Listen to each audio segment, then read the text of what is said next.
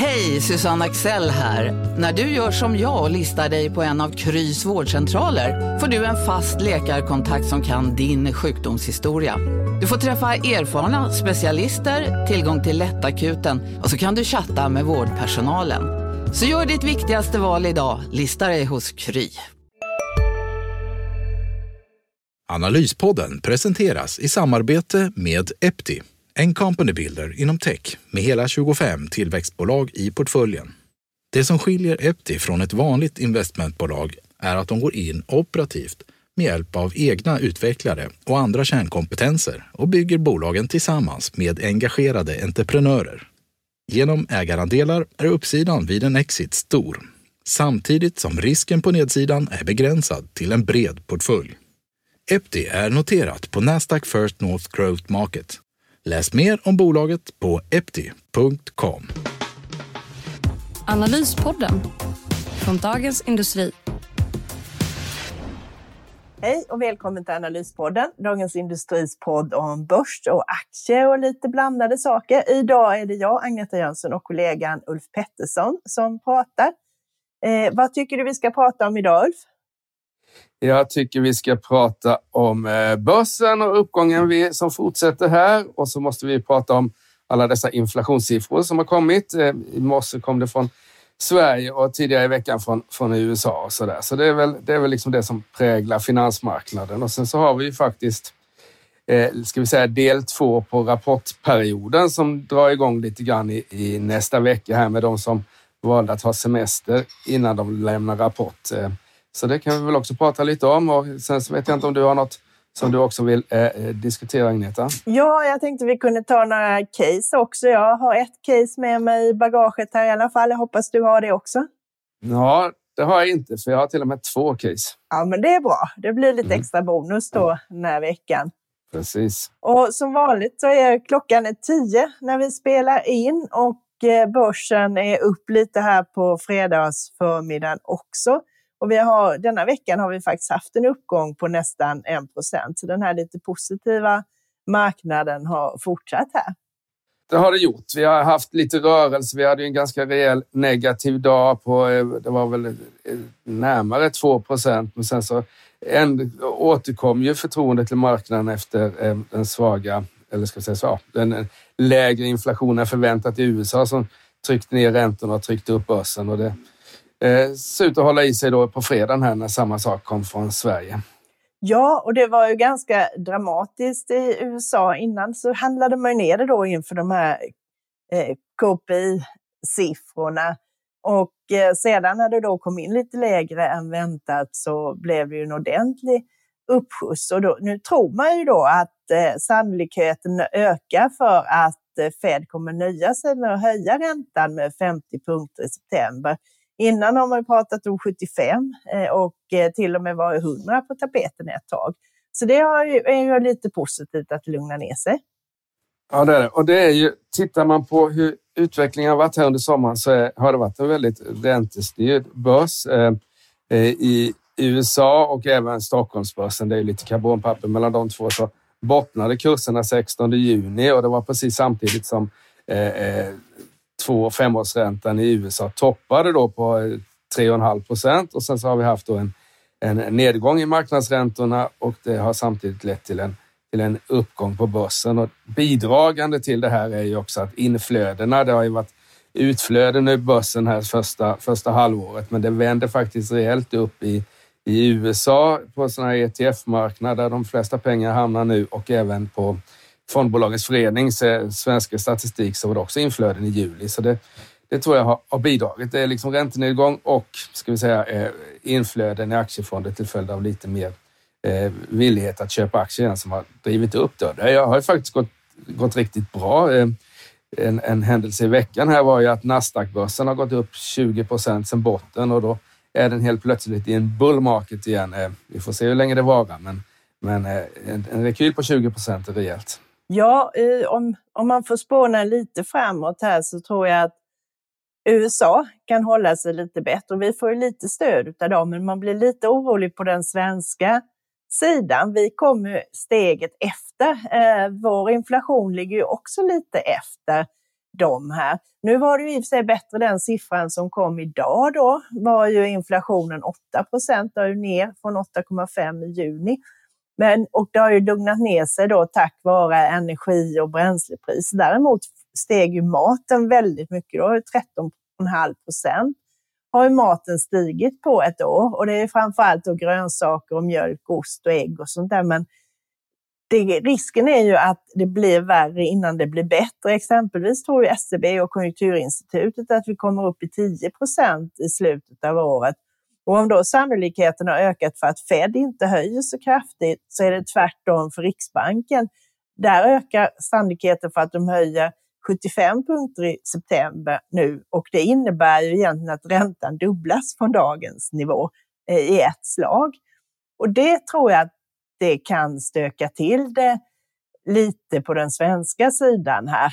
Och det är frågan vad investerarna tar mest fasta på, om man oroar sig för det som är kort eller om man vågar tro på de här lite längre undersökningarna som visar, till exempel Prospera-undersökningen igår som visade att inflationsförväntningar på två års, fem års sikt har sjunkit. Så de ligger på 2,7 respektive 2,3 procent. Det är ner ungefär en halv procentenhet.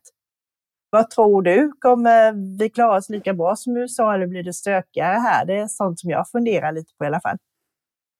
Ja, eh, det där är en, en svår fråga. Alltså tar vi USA är ju ändå i detta ska vi säga, läge så är USA lite av riktkar och där kommer ju fram till, fram till septembermötet i, i, som Fed ska ha då, om det blir 50 eller 75 punkter, det är ju liksom eh, oklart som du sa, eh, så kommer vi nog eh, få mycket reaktioner, börsreaktioner på de här Fed-ledamöterna som nu kommer vara ute och prata då. Eh, vi har det här Jackson Hole-mötet som är ett internationellt centralbanksmöte. Ehm, som är årligen eh, och där kommer säkert vara väldigt, väldigt mycket tal kring eh, från centralbanksledamöter som kommer kunna liksom stöka till det. Och det som marknaden vill ju se är små höjningar av räntan och eh, för det kommer liksom Ja, räntan är en väldigt viktig effekt när vi värderar aktier och är den låg så kan vi värdera upp aktier då. Så den, det kommer vara viktigt och i Sverige håller jag med dig om att här får väl se hur, hur eh, vi ligger efter i, i både räntehöjningscykeln och i inflationscykeln och eh, man räknar med att eh, inflationen, som du sa Agneta, kommer toppa kanske i november och den kan mycket väl hamna på 10 procent och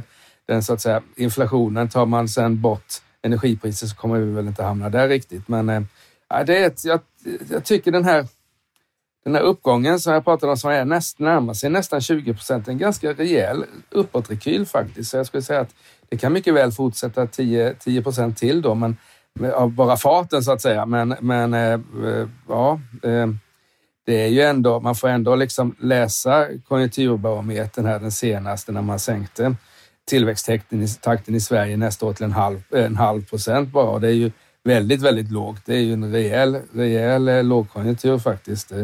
Och det kommer ju inte stödja vinsterna. Dessutom så tror jag att, att mycket av de här bolagen som har visat fantastiska vinster i, i över ett års tid nu egentligen. Det började egentligen redan Q4 2020 med den här kraftiga vinst, vinstuppgången.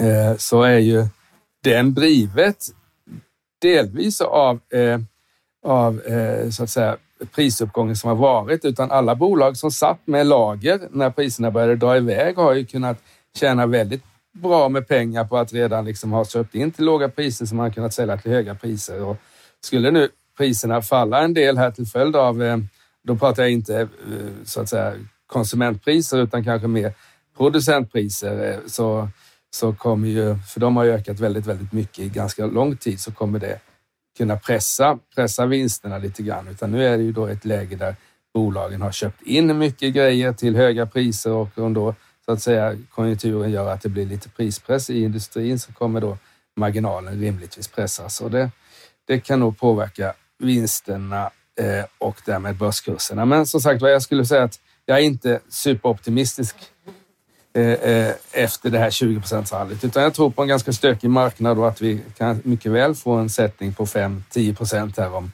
om nervositeten kring, kring skulle tillta igen. Ja, och eh, det som jag tycker också är att man, jag tror det blir mer selektivt också. Vi har ju sett väldigt, vi har ju kvalitetsbolag som faktiskt har kommit ner och blivit lite lägre värderade, men vi har bolag som man kan säga då kanske lite sämre kvalitet som har åkt ner väldigt mycket och även sådana som har, lite problem vad det gäller konjunktur och sådana här saker. Och det har blivit en del bud på en del bolag. Vår kollega Torbjörn Isaksson har ju skrivit om det här i, i tidningen nu nyligen. Eh, bland annat det här att eh, aktiespararna ser ju en stor risk för att det här budet på Haldex faller och de rekommenderar att sälja. Där var det en hedgefond, Kite Lake, som har tagit en corner med 10,1 procent av aktierna och eftersom de här köparna, då, tyska SAF Holland, har villkorat sitt bud till 90 procent så är det stor risk att det inte blir av, särskilt om de får kalla fötter nu med tanke på oro för recession och sådär. Eh, och budet ligger på 66 kronor och innan dess var ju aktien strax under 40. Eh, och jag menar, jag tycker att det finns, ligger väldigt mycket i det där resonemanget faktiskt. Ja, det, det, gör det ju. Samtidigt så SAF Holland eh, har fortsatt köpa aktier. De har köpt, det kom faktiskt idag här att de har köpt, eh, köpt eh, ett par miljoner eh, Haldex-aktier till då och så där. Så ja, men jag håller med dig. Det finns liksom, äger man Haldex-aktier så, så, eh, och den står nu i 65 spänn här, så den sista kronan man får då, eh, som dessutom tar lite tid att få, den känns ju liksom lite onödig att vänta på, utan det är bättre att sälja och Eh, just när det finns en, en, en sån här hedgefond där inne då. Och så får vi väl se här, det är många bud som, som är utestående. Nu förlängde ju Philip Morris eh, bud, budtiden på sitt Swedish Match-bud här. Får vi se hur, hur det där utvecklas. Eh, Och det är ju flera. Generellt tycker jag, håller absolut med dig det här om när det kommer ett bud så är det ofta, om man är i alla fall hyggligt aktivt placerad, sälja i marknaden det är sällan det blir några större höjningar och sen är det ju så, det tar ju tid innan man får pengarna och du har den här eh, risk-rewarden att om det faller så är nedsidan betydligt större än uppsidan är om du får någon, någon höjning av budet. Så jag har alltid jobbat efter den principen att sälj och eh, köp någonting annat du kan få bättre avkastning på istället. Ja, så är det. Vi hade ju eh Ja, vi har haft mycket då, men vi hade ju exempelvis eh, Sobi-budet. Nu har ju faktiskt Sobit blivit bra då efter, men den följer rejält då när, när eh, Astra tackade nej till, till budet där. Eh, men den har kommit tillbaka. Ja, jag vet. Jag hade ju dem. Det var enda gången jag inte sålde dessutom. Så att, och nu är faktiskt inte ens uppe till vid budkursen. Så det var ju lite snopet. Så där fick jag lära mig den läxan. Mm. Analyspodden presenteras idag av Epti, en company builder inom tech med hela 25 tillväxtbolag i portföljen. Och med oss har vi Eptis vd och grundare Arli Mujkic. Välkommen Arli! För de eh, lyssnare som inte tidigare har hört talas om Epti, kan du börja med att eh, berätta lite mer om er verksamhet, vad ni gör och vilken marknad ni adresserar? Epti är en company builder med fokus på tech det innebär att vi grundar och saminvesterar i tillväxtbolag som har stor potential med fokus på den tekniska produkten. Epti fokuserar på bolag inom fem huvudsegment. Gaming, fintech, marketplace, SaaS och servicebolag.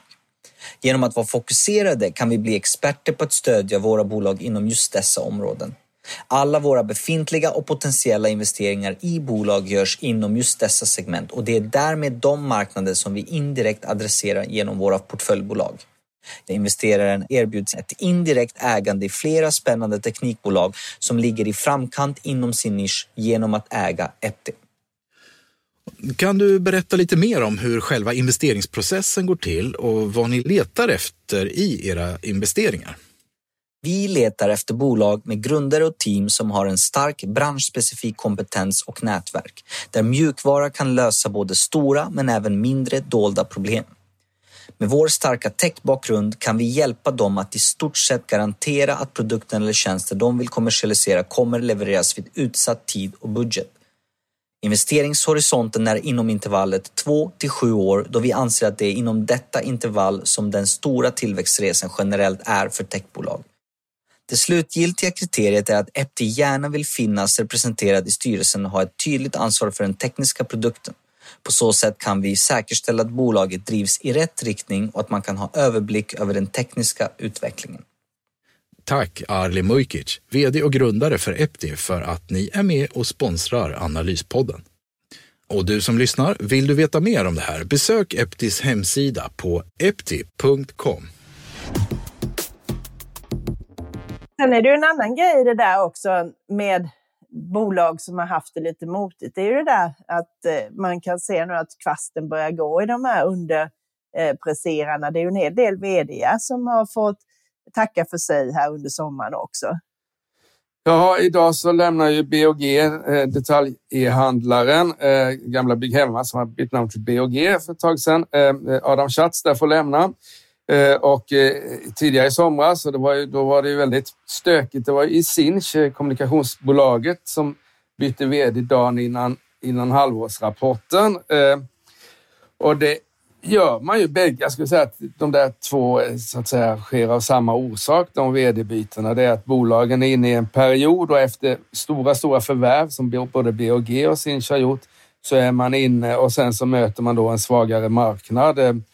Eh, BOG eh, förstås, för det är klart att det är jobbigt att köpa eller sälja sällanköpsvaror nu när eh, så att säga, folk börjar hålla i plånboken och Sinch har ju haft faktiskt en eh, negativ organisk tillväxt det senaste kvartalet och då då behövs det, brukar man anse, ett nytt ledarskap där så att säga vi nu gamla vdn då har varit så att säga förvärvat och varit mer tillväxtorienterad. Men nu handlar det om att få ihop lönsamheten också. Då är det mer en, en spar och eh, spar-vd som ska in så att säga. Någon som liksom börjar, börjar liksom stora besparingsprogram och sånt där. Och det är en annan typ av personlighet och det är därför man byter lite grann. Sen tror jag det kan också handla om att skicka en signal internt i bolagen också att, att det är lite, lite, så att säga, lite kriskänsla och att vdn får gå då är så att säga ett sätt att visa på det. Ja, och frågan är om de här grejerna också kan leda till lite fler bud och sådant, att man ser eh, som det här Gary Group är ett sådant exempel. De sattes ju på börsen utav Nordic Capital var det väl. Eh, och sen gick kursen dåligt och sen har de lagt ett bud och där kursen är eh, man får väl i princip tillbaka pengarna. Och det har väl inte bolaget utvecklats riktigt som man har tänkt i det fallet. Frågan är om det kan komma mer av den typen av bud. Ja, jag skrev i en artikel. Jag, eh, eh, eh, Attendo har ju gått väldigt, väldigt dåligt. Den har i och för sig bättrat sig lite grann. Den var ju ner var den ner nästan 20 procent initialt på halvårsrapporten, men sen så kom den tillbaks redan under den dagen och har stigit lite grann. För det, det är ett sånt där bolag som skulle kunna plockas upp av en branschaktör eller om Nordstjärnan vill ta in hela. Det kanske inte är superaktuellt. BOG. Har du också valt att bli egen? Då är det viktigt att skaffa en bra företagsförsäkring. Hos oss är alla småföretag stora och inga frågor för små. Swedeas företagsförsäkring är anpassad för mindre företag och täcker även sånt som din hemförsäkring inte täcker. Gå in på swedea.se företag och jämför själv. Hej, Synoptik här. Hos oss får du hjälp med att ta hand om din ögonhälsa. Vår synundersökning kan vi upptäcka både synförändringar och tecken på vanliga ögonsjukdomar. Boka tid på synoptik.se.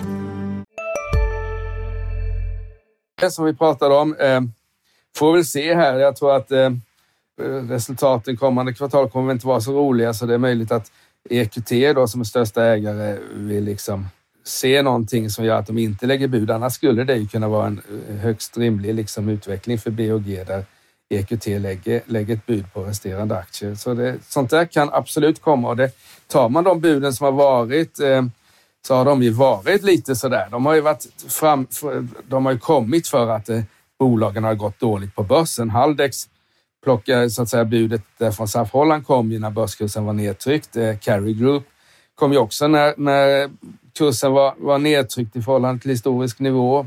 Swedish Match var väl ett litet annat tema. Där finns så att säga Philip Morris har ju så enormt mycket pengar. Alltså de, det var ju inte så att de köpte liksom Swedish Match för att aktien hade gått väldigt, väldigt dåligt i år. Men, men ja, sånt där, det kan dyka upp. Jag tror, men jag tror att eh, de här köparna vill nog gärna liksom se, en, se, se lite hur det utvecklats i höst också kanske innan man vågar. Liksom om blir det en väldigt, väldigt rejäl lågkonjunktur så kanske man avvaktar. Men det kan vara så att man klipper till också. Det, det, vi får se. Det, det är inte orimligt. Vi har haft ett antal bud här bara under maj, juni och något eller ett par, tre borde väl komma under hösten också om inte det blir börs, börs, Nej, börs, uh, ett börs. annat sånt bolag som EQT gick in i rätt nyligen med runt 10 procent är ju Storytel. Eh, och där verkar man ju ha varit in och agerat. Eh, grundaren och eh, vd då fram till i våras har fått kliva av. Han sålde en del av sina aktier nu också och bolaget ska styra om mot lönsamhet. Det är väl också, de gjorde en stor affär i USA eh, efter EQTs intåg. Det är väl också sånt där som man kan tänka sig, så här långt har det inte varit någon bra placering, men om de vill rappa på den här omstruktureringen och göra någonting av det så kan ju det också vara läge att plocka ut dem från börsen. Mm, absolut. Och har man inte pratat om Spotify som någon möjlig tagare där i, till, till Storytel, har inte de något slags samarbete, eller hur är det? Jo, det, och det är också ett sånt som äh, hade hakat upp sig. Det har i alla fall kommit färre nyheter om det samarbetet än man, man har väntat sig, så det kan ju mycket väl Eh, vara så. Eh, för de är ju både som en konkurrent men också då eh, en potentiell samarbetspartner. För ljudböckerna konkurrerar ju också med alla de här poddarna och andra grejerna som Spotify har. Absolut, absolut. Och då har vi nästan närmast oss eh, veckans case då. Du, och vad har du att delge våra lyssnare, Agneta? Ja, jag tänkte jag skulle slå ett slag för Sampo eh, som jag tittat lite närmare på igen här. De sålde ju sina, resten av sina Nordea-aktier eh, precis vid valborg och fick in 19 miljarder. Eh, och det de ska göra nu är att de ska bli ett renodlat sakförsäkringsbolag.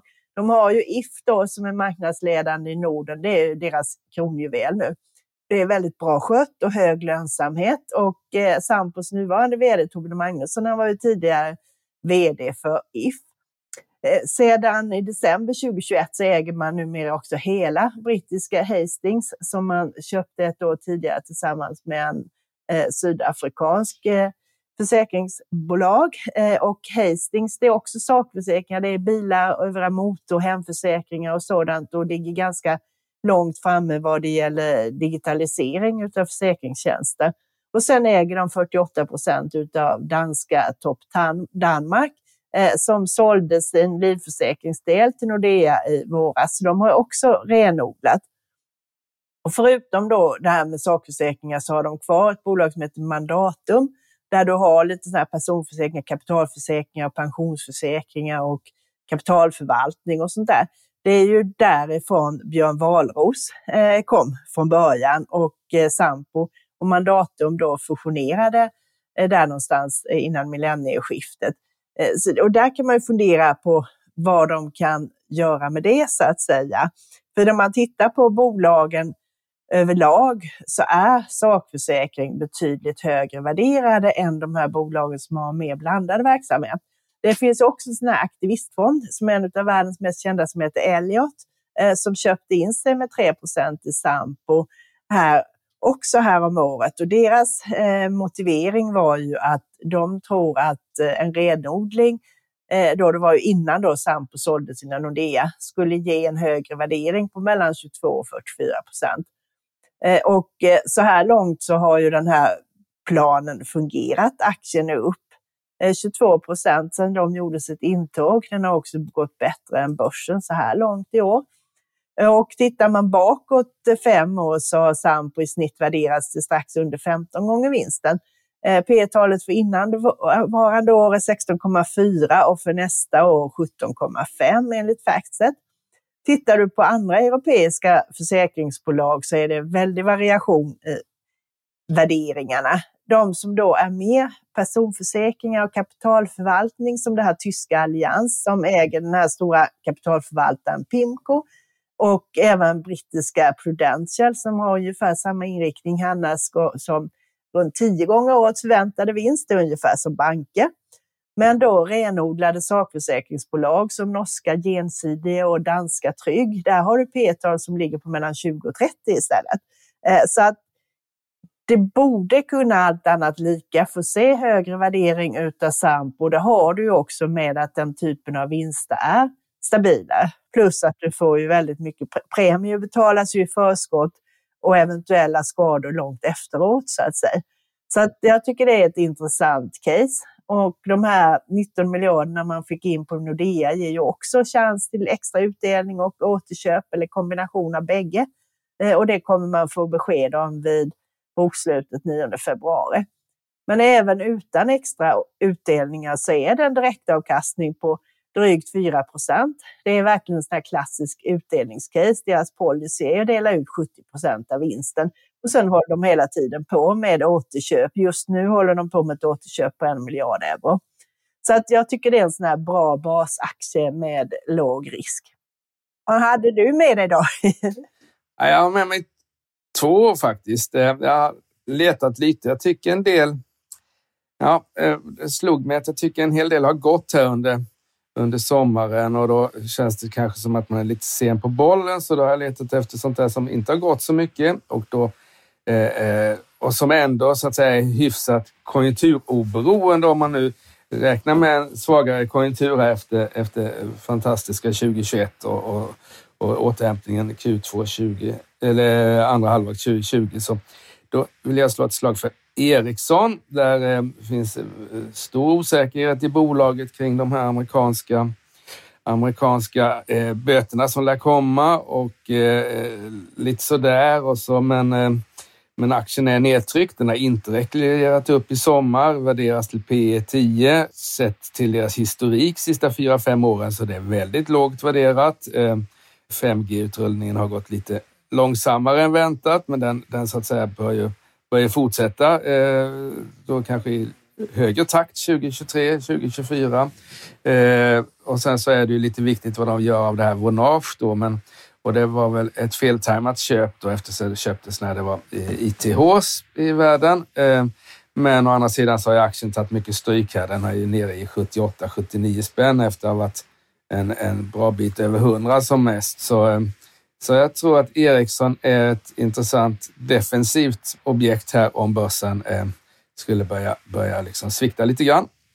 Och på samma tema lite grann, fast inte alls lika varandra, så så tror jag på Attendo här kanske. De har ju haft, eh, det är ganska länge nu de här finska problemen har påverkat bolaget.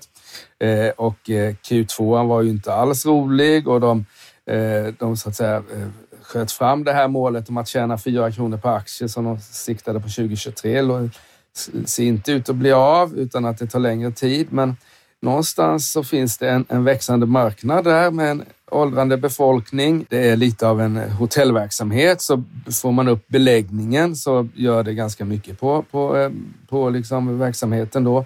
Eh, och eh, där finns ju en politisk risk, men jag skulle säga att den är klart, klart mycket lägre än för skolsektorn. Jag har inte hört så mycket om att vi ska liksom begränsa eh, vinsterna för, för liksom äldrevård och sånt där. Och det är något som vi har haft liksom privat mycket längre än, än eh, vad det gäller skolor. Då. Så, så ja, eh, och lågt värderad och en, absolut en möjlig uppköpskandidat. Det kan vara så att exempelvis Ambea som har, har, har en historik av förvärv väljer att köpa upp eh, Attendo. Nu för tiden är de faktiskt lika mycket värda så det skulle kunna gå att få ihop en sån där från Ambea då om de delfinansierar det där med egna aktier.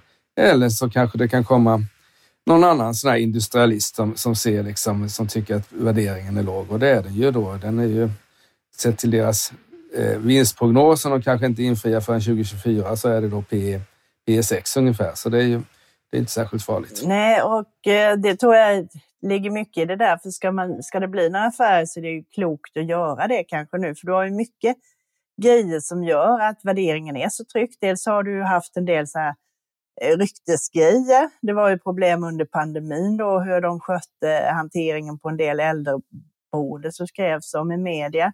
Du har det här som du säger i Finland då, där myndigheterna kräver att du ska ha en högre personaltäthet per eh, då, eh, patient, eller vad man kan kalla det, vilket gör också att de har fått höja kostnaderna, medan då de här pengarna man får in har släpat efter lite och det kommer att kunna rätta till sig här. Och sen har du hela den här pandemin för alla de här bolagen, Attendo, Ambea, Humana, eh, där du har en högre sjukfrånvaro därför att man måste hålla sig hemma för att inte riskera att eh, smitta ner sina kunder helt enkelt. Så det gör ju att intjäningen är tryckt på väldigt många olika sätt samtidigt som du då har en ökad underliggande efterfrågan i det där. Så det är nog inte eh, dumt tänkt alls att det kan bli några affärer där. Nej, och det är som sagt var eh, det är kurspressande bolag som, det är så att säga ingen garanti för att det inte ska fortsätta ner, men det är åtminstone i ett, i ett något stökigare börsklimat efter en fantastisk utveckling egentligen sedan 16 juni här så, så tror jag det kan vara eh, bolag som bör kunna gå bättre än börsen i alla fall. Ja, sen nästa vecka så kommer det då kommer ju faktiskt de här Ambea och Humana med rapporter eh, på torsdag. Så då får vi se hur de har klarat sig så att säga jämfört med Attendo. Så det blir spännande också. Precis. Och så har vi torsdagen den 18 så har vi även Nibe. Det är väl det sista verkligt, verkliga storbolag som, som väntar på att rapportera sina Q2-siffror. Det blir också väldigt intressant att höra hur de har utvecklats här. Här finns ju i, i, i de olika vågskålarna finns det ju då eh, väldigt positiva effekter. Det är ju det här stigande elpriset och, och de eh, subventioner som säkert kommer komma i sådana här klimat, klimat och energivänliga produkter så att säga. Ehm, eller, och som Nibe tillverkar och i andra vågskålen är ju att komponentbristen som, som eh, eh att Erik eh, har, vd har pratat jättemycket om inte lär ha fortsatt här under Q2 kan man tänka sig. Så det är lite, lite, lite liksom, det finns både liksom möjliga triggers i samband med rapporten och så finns det möjliga problem då i rapporten. Men tittar man på analytikernas förväntningar så förväntar de sig en vinsttillväxt på 5% under kvartalet och det är ju det är mycket lägre än vad övriga ska vi säga, industribolag har rapporterat och som redan har rapporterat. De låg ju närmare 15-20 procent. Eh, nu möter ju då Nibe ett väldigt starkt Q2 2021, men jag tycker inte förväntningarna är särskilt upptryckta vad det gäller liksom vinstprognos. Sen är ju värderingen fortsatt hög, även om den inte är det där extrema P100 som det var ett tag så är det ändå en 50 ungefär, så det är ju absolut ingen billig aktie. Men, men det är å andra sidan få aktier som har samma samma ljusa, ljusa världsbild framöver eh, som Nibe då med den här energikrisen vi har. Nej, och eh, däremot så kommer det lite tidigare i veckan andra som också har varit lite på tapeten vad det gäller höga värderingar. Du har ju Garo, mest känd för sina laddstolpar då, som också är en sån där som var väldigt högt värderad ett tag. Och sen har du den här Compande konglomeratet kan man kalla det, storskogen, eh, som har fått eh, mycket stryk efter att vara riktigt hypade förra hösten. Och sen har du även Revolution Race eh, som också är ett av de här bolagen som har haft en fantastisk utveckling. Så ja, den, den blir också intressant att se hur det går för dem i ljuset på hur många av de här e-handelsklädförsäljarna eh, som har haft det väldigt kämpigt nu, som Boost till exempel, som kom idag och som tidigare har vinstvarnat. Ja, så är det. det, är, det är faktiskt en, lite av en, ja, det är en eh, rapportperioden är intressant nästa vecka faktiskt med alla dessa tre, för de har ju rört sig mycket under året eh, och det är väl så där att skulle de bolagen överraskar positivt som Garo och, och Storskogen och, och, även Revolution Race så kan ju aktien rekylera lätt tvåsiffrigt på en sån rapport eftersom de är nedtryckta. Eh, men som sagt var, det är osvuret det bäst. Ja, men det är det så. Sen kommer ju även den danska Pandora som jag har skrivit en del om, kommer med rapport eh, på tisdagen där. Eh, och det är också ett sånt här bolag som har lyckats eh, svänga om ganska kraftigt här under Eh, under pandemin. Och eh, fortsätter den här utvecklingen eh, som man har varit inne på. Ny ledning där som har verkligen la ut en ordentlig och bra plan som man hittills har lyckats exekvera på. Och det är ju verkligen produkter som är lämpade för en större andel e-handel också. Just det. Bra. Det var det om nästa vecka och så har vi ju eh, alla våra andra poddarna när jag lyssnar på den här podden. Eh, och då har vi ju, de blir fler och fler. Eh, Agneta, som vi producerar? Ja, vi har ju några har väl haft lite uppehåll eh, över sommaren, men det finns ju att lyssna på i arkivet som Makrorådet och vi har Digitalpodden som jag vet också har kört på i sommar och vi har Privatekonomiska podden Smarta pengar och sen den här dagliga korta podden Eh, morgonkoll, där man får höra allt som har hänt under natten och det viktigaste under dagen. Och sen har vi ledarredaktionens DIs ledarpodd också. Precis, så ni har att göra även den här helgen. Eh, gå gärna in och leta reda på de avsnitten och så får vi önska alla en fortsatt skön eh, sommarhelg för det ser ut att bli riktigt varmt på många ställen i Sverige i alla fall. Det är mysigt. Vi får ge oss ut i naturen vi också här. Eh, och tack ja. för den här veckan då Ulf och tack ni som lyssnade. Tack ska ni ha. Ha det bra. Hej då. Hej då. Analyspodden presenteras i samarbete med Epti, en company builder inom tech med hela 25 tillväxtbolag i portföljen. Det som skiljer Epti från ett vanligt investmentbolag är att de går in operativt med hjälp av egna utvecklare och andra kärnkompetenser och bygger bolagen tillsammans med engagerade entreprenörer.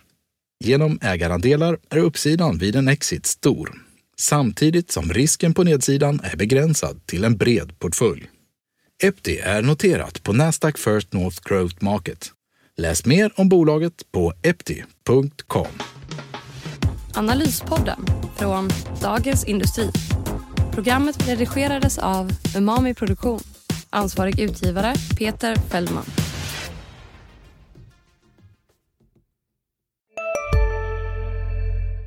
Välkommen till Maccafé på utvalda McDonalds restauranger med Baristakaffe till rimligt pris. Vad sägs om en latte eller cappuccino för bara 35 kronor? Alltid gjorda av våra utbildade baristor. En nyhet. Nu kan du teckna livförsäkring hos Trygg-Hansa. Den ger dina nära ersättning som kan användas på det sätt som hjälper bäst. En försäkring för dig och till de som älskar dig. Läs mer och teckna på trygghansa.se. Trygg Hansa. Trygghet för livet.